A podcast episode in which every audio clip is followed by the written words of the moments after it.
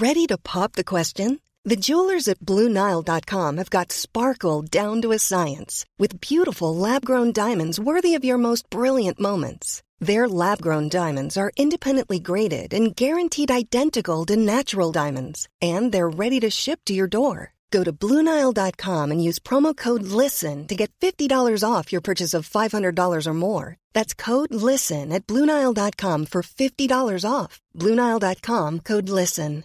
Hey, I'm Ryan Reynolds. At Mint Mobile, we like to do the opposite of what Big Wireless does. They charge you a lot, we charge you a little. So naturally, when they announced they'd be raising their prices due to inflation, we decided to deflate our prices due to not hating you. That's right. We're cutting the price of Mint Unlimited from $30 a month to just $15 a month. Give it a try at mintmobile.com slash switch. $45 upfront for three months plus taxes and fees. Promo rate for new customers for limited time. Unlimited more than 40 gigabytes per month. Slows. Full terms at mintmobile.com.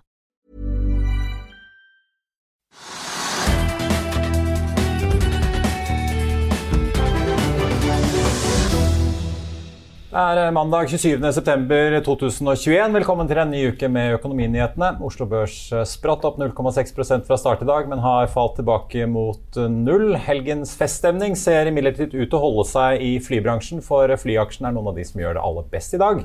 Godt gjør også en rekke oljeaksjer det, støttet av en god oljepris. Et fat nordsjøolje i spotmarkedet koster nå 79,50 dollar, opp 1,9 USAs lettolje er også litt mer opp, til 75,40. Ser vi rundt på markedet ellers i Europa, er det stort sett rødt i Norden, men grønt utover ellers eh, på kontinentet. Og futuresene peker mot en eh, ja, negativ start på Wall Street fra start. I dagens sending får vi besøk av to som skal snakke om eh, vi nå står overfor en konkursbølge, og om rekonstruksjonsordningen kanskje er noe mange har gått glipp av. Vi skal også høre fra oljeselskapet Aker BP, som har gitt grønt lys for en ny milliardinvestering på norsk sokkel.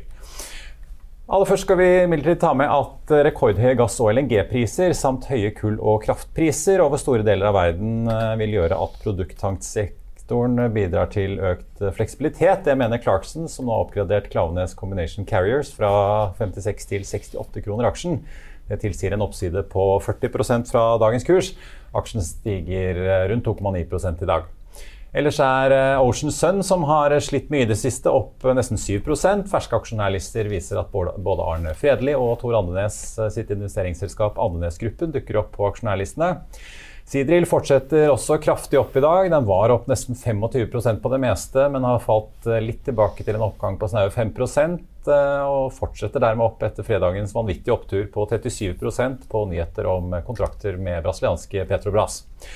Men Trygve, skal vi begynne med disse flyaksjene? da? Det virker jo som festen bare har fortsatt fra gatene i Trondheim og Oslo og inn på børsen og inn i flyaksjene? Ja, det har det nok. Eh, det er kanskje litt, en litt sterk overreaksjon, da. Hvis du går tilbake til mars 2020, da liksom 12. mars, da pandemien begynte og krisen var, var liksom over hele verden, det vi så da var ganske, ganske spennende, for da falt jo cruiseaksjene som stener. De falt liksom fra 80 dollar til 20 dollar osv. Og, så og flyselskapene falt også helt dramatisk, altså aksjekursene ikke, ikke flyene. Uh, og Det var fordi at man hadde regnet med at nå stoppet alt opp, og det gjorde det delvis også. slik at man da fikk, altså, Vi har jo sett at 90 av verdens fly har stått på bakken nesten et halvannet år. og Det er jo helt dramatisk. Men så det var helt riktig på en måte at man kunne forvente en dårligere inntjening i flyselskapene. Og mange av dem ville gå konkurs, kanskje. Og mange ville måtte ha altså da refinansieringer og endringer og forhandlinger med kreditor osv. som vi fikk i Norge på Norwegian. Men så gikk da ganske raskt disse kursene tilbake igjen. Altså Folk tenkte at dette går over. Cruiseindustrien kom ganske raskt på beina igjen. Kursene steg, og det samme gjaldt også da flyaksjene. Så det, det, at man liksom reagerte for sterkt på liksom de negative meldingene, det var ganske interessant å se at markedet korrigerte for det. Og i dag, når du nevner flyaksjen i dag, så er det altså Flyr er jo opp 15 og er da vinneren i dag. Men Flyr, altså det er et bitte, bitte lite selskap med et par fly, en håndfull fly. Og, og, og kursen ble, det var en emisjon på fem kroner. og så var da kursen nede i 3,40 eller sånt, i det, det, siste tallet jeg så, og så gikk den opp til 4 kroner eller sånt. At, og så fikk man da et løft i dag, samtidig som man også fikk da en oppgang i Norwegian på 3-4 og man fikk en oppgang på, på SAS på et par prosent. Men, ja, Norse Atlantic som ikke har begynt å fly engang, har også fått en, ja, en liten opptur i dag. Ja. Men, men, det er klart, markedet tenker som sånn at nå er liksom alt over. Pandemien er borte, og eh, man åpner opp overalt. Og vi nordmenn har masse penger og vi elsker å reise. Så tenker liksom da alle at nå vil flyselskapene bli fullere. Det er jo helt riktig, og det blir flere nye ruter. Og flyselskapene vil komme delvis på beina, men de, å tjene penger på det, det er så langt frem at jeg vil ikke tenke på det engang. Og når, og når Flyr på en måte sier, altså da blir tatt, som er vinneren på Oslo Børs Det er ikke lenge siden jeg var på en tur til NIS, og da liksom gikk mitt fly Norwegian gikk da liksom et tidspunkt, og Flyr gikk fem minutter før. De flyr vinge til vinge, vinge, til vinge som de det. her. Og de hadde liksom ti passasjerer eller sånn. Og, og så reklamerer Norwegian da med ja, ikke fortsatt, men i forrige uke så reklamerte de med turer av Europa til hovedstedene for 312 kroner. Det er klart, det blir ikke penger av. Så Det er helt i orden at folk liksom ser at det har en betydning at markedene åpnes opp. Det har en betydning at vi nordmenn vil reise mer, åpenbart, både på kortere distanser i Europa og kanskje etter hvert også på langdistansene. Men at det skal bli penger av det, det er Altså det er så langt frem at det tør jeg ikke tenke på engang. slik at Det er morsomt å se hvordan markedene reagerer. Det er fornuftig i det, og så er det en overreaksjon stort sett hele tiden. Ja, for Norwegian og SAS altså Norwegian var ute og sa at uh, eh, idet Erna sa nå åpner vi, så gikk bookingen opp med 50% men uh, det kom jo tall fra Avinor i dag over trafikken i forrige uke. Uh, og De viste jo at uh, på Gardermoen var det 296 000 passasjerer. Det er fortsatt 53 uh, under ja. samme periode i, i 2019. Det så det er jo fortsatt mye å gå på før man er tilbake, ja, da, selv om liksom, kurven er oppadgående. Kjempelangt frem. Men det som er riktig, er at bookingen øker. Altså jeg, merker, jeg har et selskap jeg er inne i, jeg også. Jeg ser hvordan bookingen øker umiddelbart. Ja, på Hurtigruten. Ja. Ja, men altså, bookingen øker alle steder. og Flyselskapene er klart vi nordmenn har, vi liker å reise, og vi har god råd. Og vi har spart opp 200 milliarder eller sånt, i løpet av pandemiperioden i økt sparing i forhold til hva som er normalen for husholdningene. Så, det, så det, man booker masse når man vil reise med. Det kommer til å skje. Men, så, så, er, vi, vi, vil få meldinger om at Norwegian har økt bookingen med 20 eller 30 eller 40 i forhold til et veldig lavt utgangspunkt. Vi får masse tall fra Flyr etter hvert også, og kanskje også fra det selskapet som skal drive uten, utenlandstrafikken også. Men, så, det vil komme slike tall, og de er positivt. Men det, det skumle er at i denne bransjen er det, at det står så mange fly på bakken. Det er så mange flyselskaper som har fått hjelp fra stat, statlig hold og privat hold. Og I det øyeblikket trafikken øker bitte lite grann, så vil da de flyene bare tatt ut av disse der uh, hangarene hvor de står, ja. og pustet litt på, og så blir det satt i trafikken. Jeg er liksom opptatt av det at ja, det er fornuftig at uh, folk bruker penger igjen, ja, det er fornuftig at flyselskapene satser igjen, men det er så langt frem til at man tjener penger at det, ja, så det har lyst til å få frem det, det hovedbudskapet ganske klart. Det virker i hvert fall som det er tegn på at Lofoten fortsatt er populært. for jeg ser Harstad-Evenes ligger bare 2% under eh, trafikken i 2019 nå, så det er ikke så gærent. Altså, altså, trafikken blir bedre, men altså, jeg snakker da nettresultater, økonomi og finansiering av selskapene. og det det, det, det, må man minne folk om. Så når da Flyr øker 15% i kursen i dag, så betyr det ingenting. Det betyr at det liksom går fra 44 kroner et eller annet til litt opp under 5 kroner. Og man har ikke nådd emisjonskursen ennå. Så jeg ønsker at flyselskapene skal, skal, gå. Jeg ønsker at folk private putter penger i flyselskapet, sånn som de har gjort i Norwegian, sånn som de har gjort i, i Flyr. Men, men, eh, vi må ikke da bli, bli forledet av de gode bookingtallene til at man da kommer til de gode bunnresultattallene. Vi får se hva kvartalsrapportene viser ja. utover høsten. Ja, ja så var jeg inne på en annen ting som også bør nevne. Det er, altså, hvor det er liksom klare sammenhenger som vi liker å se og forstå når vi sier i Folkerådet. Det er jo at det er en rekke selskaper som er liksom korrelert med oljeprisen. Og det har vi sett i dag at liksom Aker BP har vært opp 4-5% og, og Equinor har vært opp et par prosent, og DNO 5-6 Så De selskapene som er korrelert med oljeprisen, de går når oljeprisen går. Og du var så vidt inne på det, men oljeprisen er nå nesten oppe i 80 dollar per fat. Ja, Det er jo sånn, altså, det, er, nesten Klondyke-nivået. Ja, det er altså. høy, høyest på tre år. og Det er Klondyke, og det er klart det kommer til å få betydning for og, riggselskaper og andre som er på en måte da får kanskje mer å gjøre. Kanskje får da eh, seismikkselskapene noe, noe, mer å gjøre. Kanskje. Kanskje vil det bli eh, lett mer å drive litt mer. Kanskje. Så disse aksjene går, og da er spørsmålet liksom, hvor skal det stoppe? Altså hvor liksom det, altså At oljeprisen nå ligger da på nesten 80 dollar per fat, den ligger på, som du var inne på 79,5, det er ganske viktig. Men det er ikke slik at liksom alle rater går til himmels og blir der osv. På et eller annet tidspunkt nå så må man må, må se da om at denne oljeprisen, hva, hva, har den ført til, hvilke effekter får den, og hvilke selskaper vil ha størst glede av det, og hvor mye penger vil de tjene. Det som er sikkert at de som de som bare driver med olje nå, eller bare gass nå, de tjener vanvittig med penger, sånn som Equinor og andre rene oljeselskaper. Som ikke da bruker pengene på å utvikle fornybar energi eller alternativer, som tar uendelig lang tid. Eh, så vil selvfølgelig de som da nå er de som sitter på oljetanken, de tjener mye mer penger. og det kommer de til å gjøre. Og så er spørsmålet altså, Vil den oljeprisen da stoppe på 80 dollar per fat, eller vil den gå til 90 eller 100? Og går den til 90 eller 100, så ja, da ja, så er i hvert fall spørsmålet altså, hvor mye mer aktivitet det blir på norsk sokkel. Altså, både Aker BP og Equinor, eh, altså Kjetil Hove, sjefen for norsk sokkel i Equinor, var jo veldig tydelig i sommer på at de har tenkt å holde investeringsnivået fast liksom, de neste ti årene. Så det, det, virker jo ikke som de på en måte er interessert i å trappe veldig opp fordi prisen nå er høy. Nei, jeg tror det er en veldig klok politikk. Altså, de har da på en måte de, sine reserver, de har sine programmer for å utvikle og, og drille og tjene penger på det. Og hvis de sier at de, skal bruke halvparten av de pengene de hadde tenkt å investere da, i fornybar sektor, så forsvinner halvparten av overskuddet sannsynligvis for 10-20-30 år fremover. Så det kan de ikke gjøre. Så vil si at De, de hardeste og tøffeste de vil holde seg til det de kan, nemlig å selge olje og gass. og så da bruke minst mulig på de andre investeringene som de må gjennomføre, som de bør, også, også, bør gjennomføre. Så Det vil vi se masse av fremover. Ja, og så så vi BV Energy, eh, de er jo opp 6,2% i dag. var ute og Eh, av, verken avkreftet eller bekreftet rykter om at de skal potensielt kjøpe noe av Petrobras i Brasil. De har jo ett felt eh, som de er involvert i der borte, men uh, nå sier de bare at det foreløpig ikke er tatt noen beslutning om å kjøpe dette Golfino-feltet, så her kan ting skje.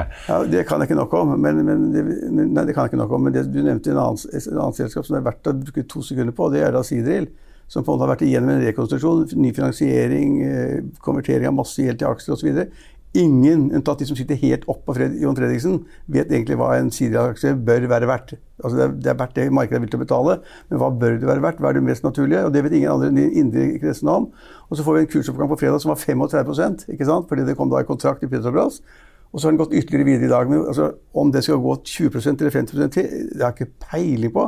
Og jeg tror ingen andre har peiling på det heller. Derfor er det liksom en aksje man da ikke må kjøpe fordi at den går 30% eller 20% til. Man bør altså være langt unna den type aksjer. fordi det har vært for mange rekonstruksjoner, det har vært for mange eh, konverteringer til aksjer, og ingen vet er det er det liksom x antall millioner aksjeselskaper, eller er det ti ganger x antall millioner aksjeselskaper? Det har ingen peiling på. På samme som i Norwegian. Veldig få skjønner hvorfor den aksjen skal ligge på 10 kroner, ikke på 8 kroner, eller 7 kroner eller 15 kroner, fordi at man altså har fått så mye aksjer at knapt noen klarer å regne på det. Ja, og Sidri lå gjennom én chapter 11, og folk trodde det var bunnen. Så kom det en til. Så var det en til. Trygve, takk skal du ha. Bare hyggelig. Apropos uh, oljeaksjer, som det har vært fart i Oslo Børs uh, på i dag. Aker BP overleverte altså utbyggingsplanen for satellittfeltet Frosk etter at de leverte Kobra Gekko-planen, som er altså det andre satellittfeltet på Havheim-området tidligere denne sommeren. Froskfeltet innebærer 2 milliarder, 2 milliarder, kroner i nye investeringer og gir ca. 10 millioner nye fat til det Kjell Inge Røkke-dominerte oljeselskapet pluss partnerne Vår Energi og Lundin. Aker BP planlegger investeringer på totalt 135 milliarder kroner de neste åtte årene på norsk sokkel. Det skal løfte produksjonen 70% Vi tok en prat med konsernsjef Karl Jonny Hersvik om prosjektrushet, gassprisene og oljeskatten litt tidligere i dag.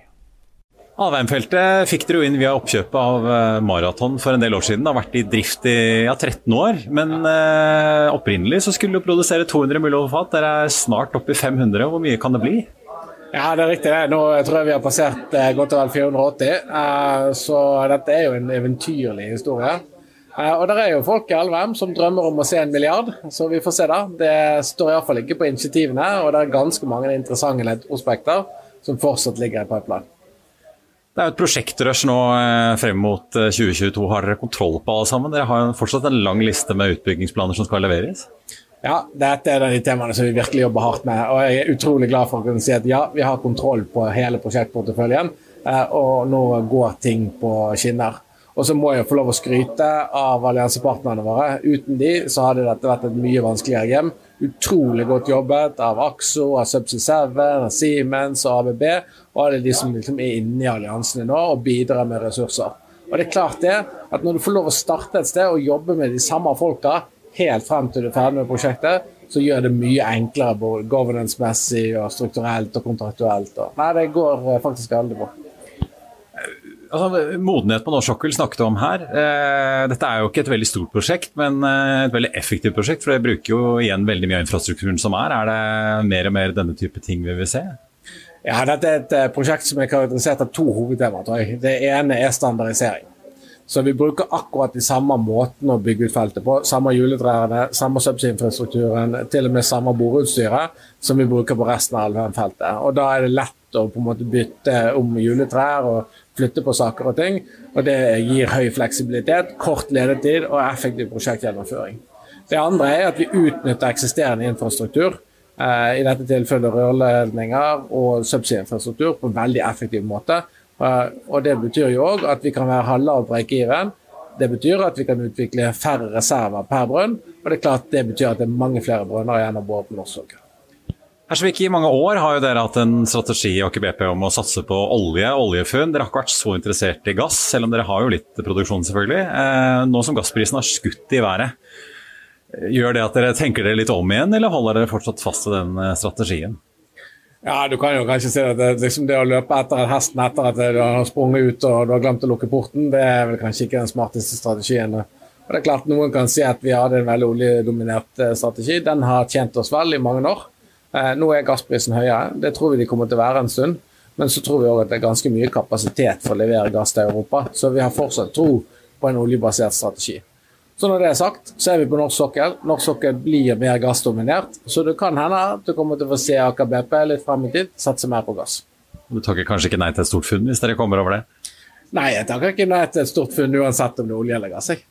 Eh, til slutt, eh, Regjeringen som nå går av, lanserte jo for ikke lenge siden eh, et forslag til ny oljeskatt. Det er jo ikke vedtatt ennå, men har dere sett på hva det egentlig har å si for kalkylene deres? Gjør det det mer eller mindre attraktivt å, investere på norsk sokkel? Mm, ja, vi har, å, vi har begynt å grave litt i det. Og Den midlertidige analysen er jo at dette egentlig er ganske nøytralt. Så hvis du har lav kost av kapital, så betaler du noe høyere proveny. Har du litt høyere kost av kapital, så er det litt mer nøytralt. Eh, så det viktige for oss er jo at vi har stabile, langsiktige rammevilkår. Og at det ikke er store endringer i det totale skattetrykket fra det gamle systemet til det nye systemet. Eh, og så er det jo det å merke seg at eh, det midlertidige skattesystemet, som vi har mesteparten av vår Capex under, det består jo frem til vi er ferdig med nyprosjektet.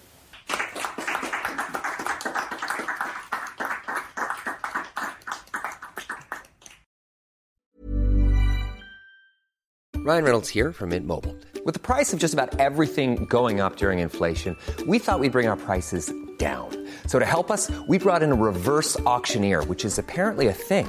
Mint Mobile unlimited premium wireless. Ready to get 30, 30, bit to get 30, bit to get 20, 20, 20, bit to get 20, 20, bit to get 15, 15, 15, 15 just 15 bucks a month. So, Give it a try at mintmobile.com/switch. slash $45 up front for 3 months plus taxes and fees. Promo rate for new customers for limited time. Unlimited more than 40 gigabytes per month slows. Full terms at mintmobile.com.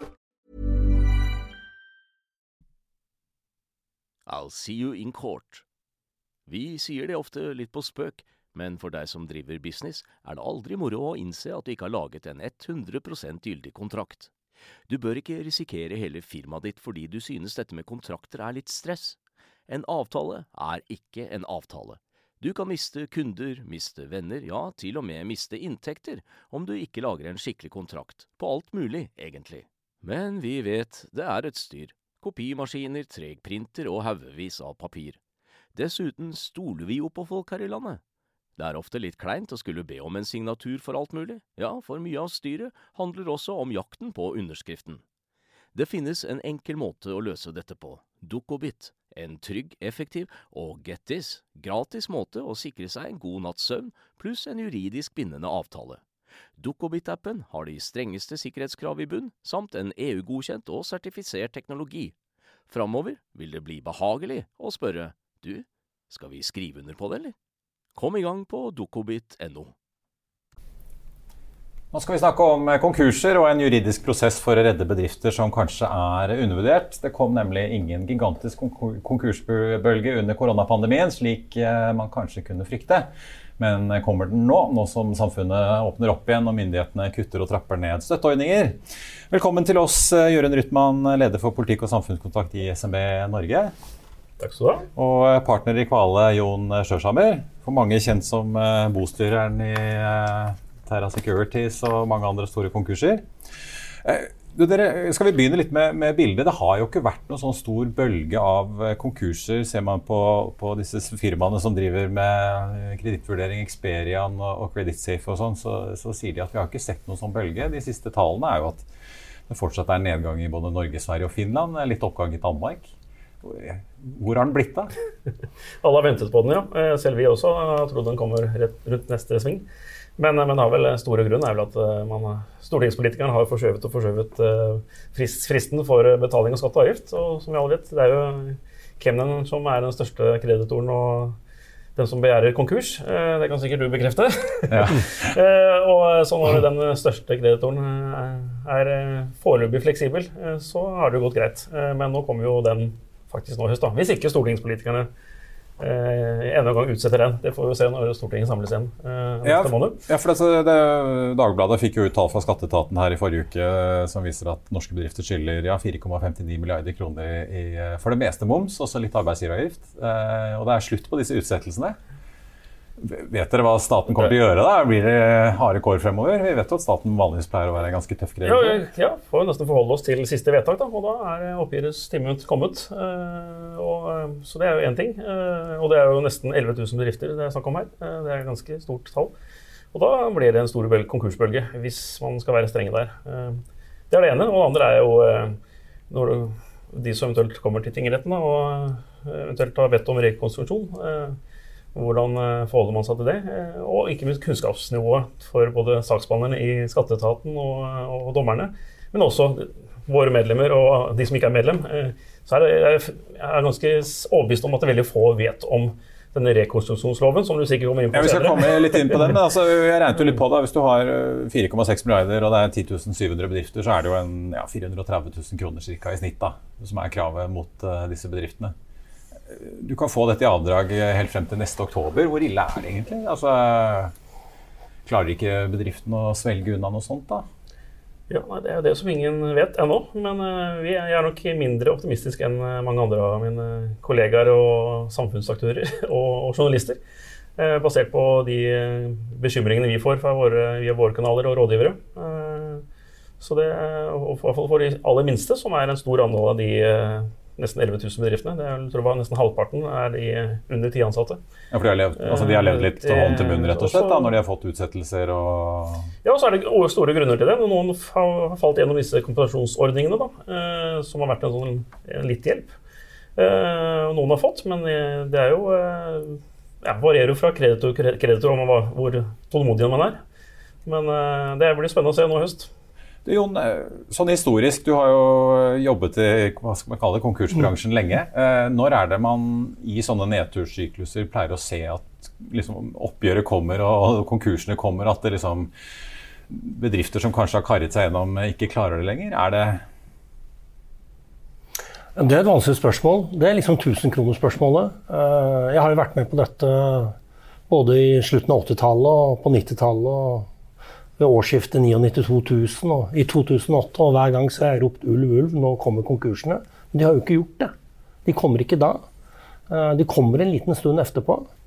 Og jeg har kanskje tenkt som så at eh, man klarer seg gjennom en kriseperiode. Og så kommer man også litt videre når ting begynner å bli normalisert. Men jeg tror det som ofte skjer i kriseperioden, det er at man ikke få med seg alt av innovasjon og forbedringer som man ofte gjør kontinuerlig. Ja, For man ikke har råd til det? Eller ja, man har ikke råd, har ikke ressurser, og man bruker alle kreftene på å overleve. Og når man da kommer litt uh, ned i veien uh, senere, så er det kanskje de som ikke har uh, hatt evnen til å fornye seg og investere, som er de som faller av lasset. Jeg ser du liksom, ofte da en sånn lang hale av konkurser egentlig etter en krise da, på flere år? Den kommer gjerne en stund etterpå. Vi så jo det særlig tydelig på Uh, i forbindelse med det som skjedde på 88 og frem til 91. At konkursene kom jo sånn i 93-94. Uh, og vi fikk jo ikke det helt store raset umiddelbart uh, i 2001. Det kom et par år etterpå. og vi fikk jo heller ikke noe sånn umiddelbart konkursras i 2007 og 2008. Det var noen store konkurser, men bølgen kom en stund etterpå. Uh, og hva som er årsaken, det, det, det, er jeg ikke sikker på. Men kanskje det at man uh, utsetter dette med innovasjon og forbedringer, som ofte er en nødvendig konkurranseparameter. Hva ser du nå, da? Så, disse tallene på hvor mange konkursbegjæringer som skatteetaten eh, kommer med, ble jo halvert i fjor ned til eh, litt over 1200 begjæringer. Eh, hvordan ser bildet ut nå? Har staten begynt å, å begjære bedrifter konkurs igjen som ikke kan gjøre opp for seg? Nei, de har vel for så vidt ikke det. Det som har skjedd, er jo at staten egentlig har stanset pågangen. og de utgjør jo halvparten, altså i, i mengde så er det halvparten av sakene. Og når de blir borte, så merkes jo det. Og så kan du si at uh, banker de har jo etter hvert uh, innsett at det er ikke noe vits å gå på i den fasen vi er i nå. det er jo en annen stor kreditor. Og en rekke andre kreditorer tenker også så at det er bare tull å løpe etter bedrifter som er rammet av den krisen vi er inne i nå. Så vi får vente og se. Så det jeg kanskje tror litt, det er at noen flere kommer på banen og prøver å drive inn gjelden sin, nå som vi kommer i en mer normalisert fase. Men akkurat hvordan det vil forløpe, det tør ikke jeg å mene noe om i dag. Dere, Vi må snakke om denne midlertidige loven eh, som jo litt populært er liksom kalt norske chapter 11 etter den amerikanske ordningen. Det ble jo noe som ble hasteinnført i fjor under pandemien. Eh, nå sier den avtroppende regjeringen at de vil ha en permanent ordning. Hva går den egentlig ut på? Ja, skal jeg svare? Ja, det er det som er Men Vi har jo levert ja, synspunkt på dette her, vi ja, ja. Nei, altså Den går jo ut på at du kan få redusert gjeldsbyrden uh, gjennom en uh, offentlig og domstolskontrollert prosess. Uh, og Det innebærer at du kan få redusert gjelden med i praksis alt fra 99 til uh, Altså fra 1% dividende til 99% dividende.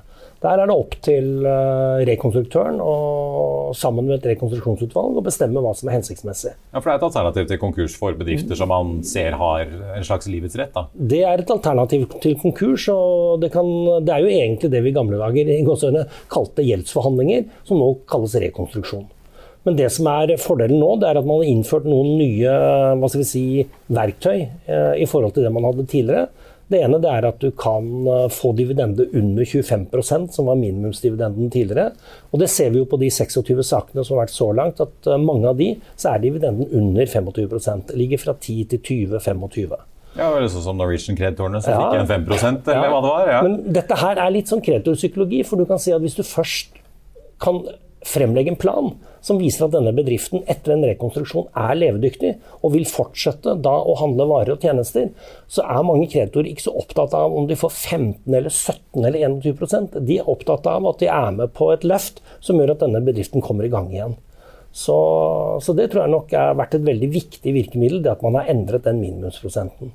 Vi, har jo, eh, altså vi nevnte jo Norwegian er jo et veldig sånn kjent eksempel på noen som har brukt mm. ordningen. Vi har uh, kleskjeden Polar Nopyre. Du var jo involvert i Axis Geo Solutions, altså seismikkselskapet, som var ja. noe sånt i våres.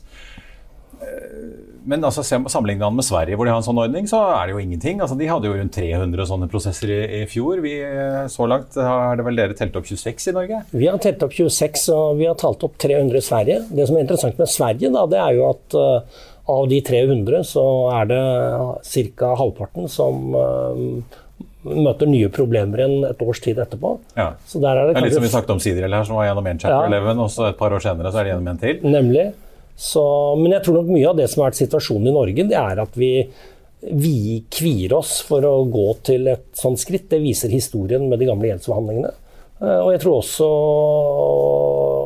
kunnskapen om reglene og prosessene Eh, kanskje ikke er god nok eh, verken hos uh, jurister og advokater og revisorer og andre rådgivere. Ja, hva skal dere gjøre da? Er det liksom, ja, jeg, kjenner bedriftene til dette når de sitter der i styremøter og innser at her, dette går ikke rundt om et par måneder? Nei, det tror jeg ikke. Eller jeg er ganske sikker på at de ikke gjør det. Men, det, men det er vår jobb, og det holder vi på med nå. Å informere våre medlemmer. Uh, uh, og komme med en ros med den avgående regjeringen.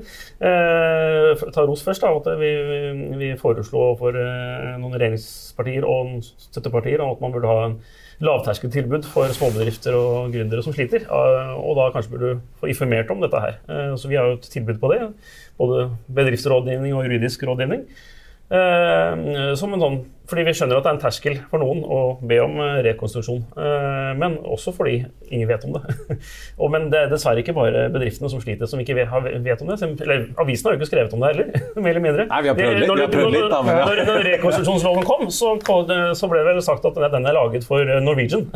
Så da fikk den merkelappen knaggen med en gang. Men, men etter noen måneder så det ble jo Eh, vedtatt. Og så kom det noen måneder etterpå egne forskrifter for småbedrifter. Eh, så, men, eh, men, bedriften, næringslivet, vet ikke så mye om det. Ikke journalister vet om det. Men selv skatteetaten og, og dommere har jo opplevd våre rådgivere som har hjulpet bedrifter, at de, de har jo ikke kjennskap til det, de heller. Så det er en jobb å gjøre der, men derfor sitter vi kanskje her òg. ja, altså, Jon, hva er, liksom, hva er, de store fordelene med dette versus det å, å, bare gå konkurs og at noen andre kjøper opp eh, resten av et selskap? da? Vi så jo altså, både Axis Geo som jeg nevnte, og Norwegian de fikk jo investorer som spytter nye penger. Ble kvitt masse forpliktelser og, og sånn, og masse gjeld, selvfølgelig. Men uh, hva er liksom den store bannerannonsen her? Nei, nå skal jeg forsiktig med å annonsere for dette, for uh, det tar seg ikke så bra ut, kanskje. Men uh, jeg tror at hvis du ser på konkurs, uh, så er jo konkurs egentlig en avvikling, det. Da legger du det ned, og så er du ferdig med det. Uh, da er det stopp. Eh, en rekonstruksjon det er jo egentlig eh, et verktøy man bruker for å videreføre virksomheten. Så det er liksom to helt forskjellige ting. Og når du viderefører virksomheten, så vil jo den fortsatt opprettholde arbeidsplasser og verdiskapning. Og de som er kreditorer og leverandører, vil fortsatt kunne være det og tjene penger fremover. Hva er det mest krevende i en sånn uh, prosess? da? Altså, for Man skal jo da både drive bedriften videre samtidig som man på kammerset skal sitte med advokater og bostyrere og dommere og, og finne investorer som er villige til å sette inn nye penger? Jeg tror egentlig det som vi har opplevd uh, så langt, det er at man er nødt til å være godt forberedt. Uh, og man er nødt til å ha en plan som inkluderer hva man har behov for av kapital. Både for å gå gjennom rekonstruksjonen og for å betale dividende etterpå.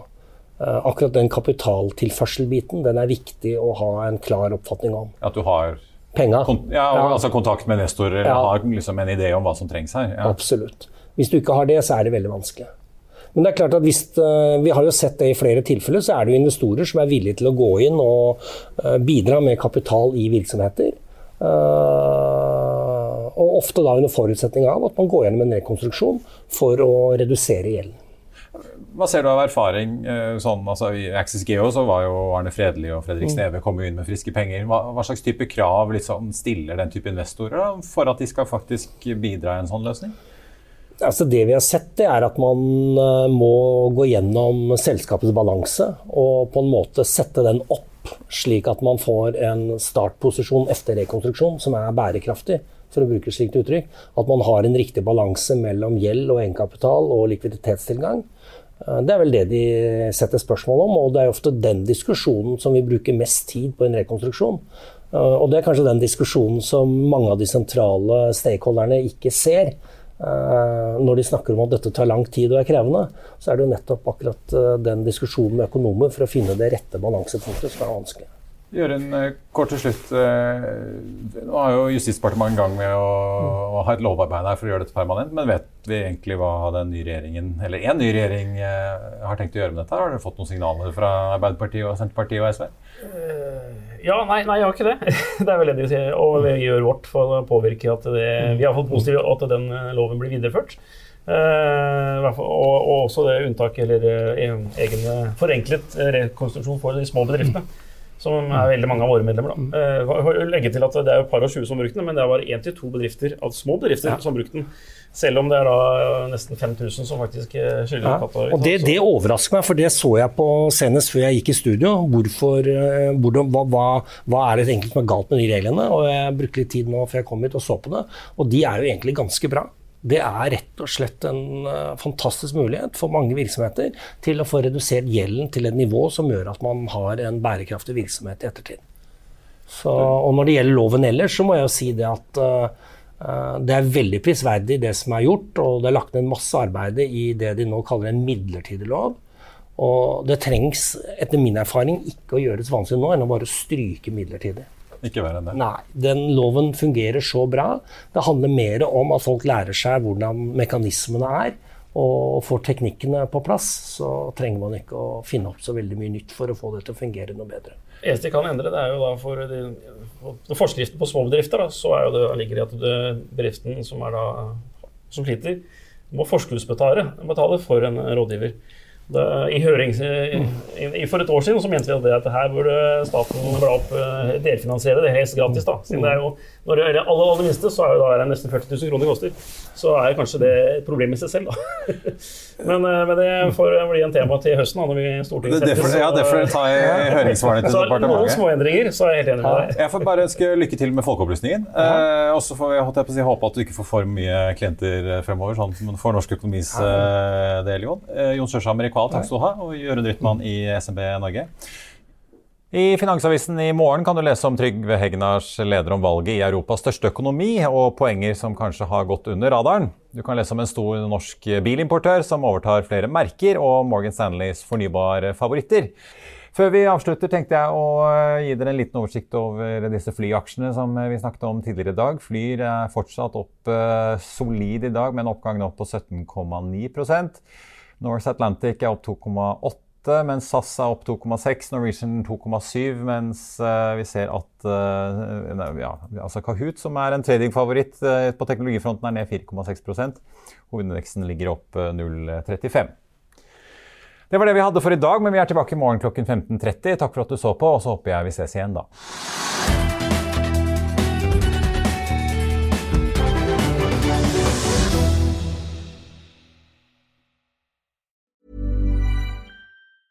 Hey, it's Danny Pellegrino from Everything Iconic. Ready to upgrade your style game without blowing your budget? Check out Quince. They've got all the good stuff shirts and polos, activewear, and fine leather goods, all at 50 to 80% less than other high end brands. And the best part? They're all about safe, ethical, and responsible manufacturing. Get that luxury vibe without the luxury price tag. Hit up quince.com slash upgrade for free shipping and 365 day returns on your next order. That's quince.com slash upgrade. Økonominyhetene er en podkast fra Finansavisen. Programledere er Marius Lorentzen, Stein Ove Haugen og Benedikte Storm Bamvik. Produsenter er Lars Brenden Skram og Bashar Johar. Og ansvarlig redaktør er Trygve Hegnar.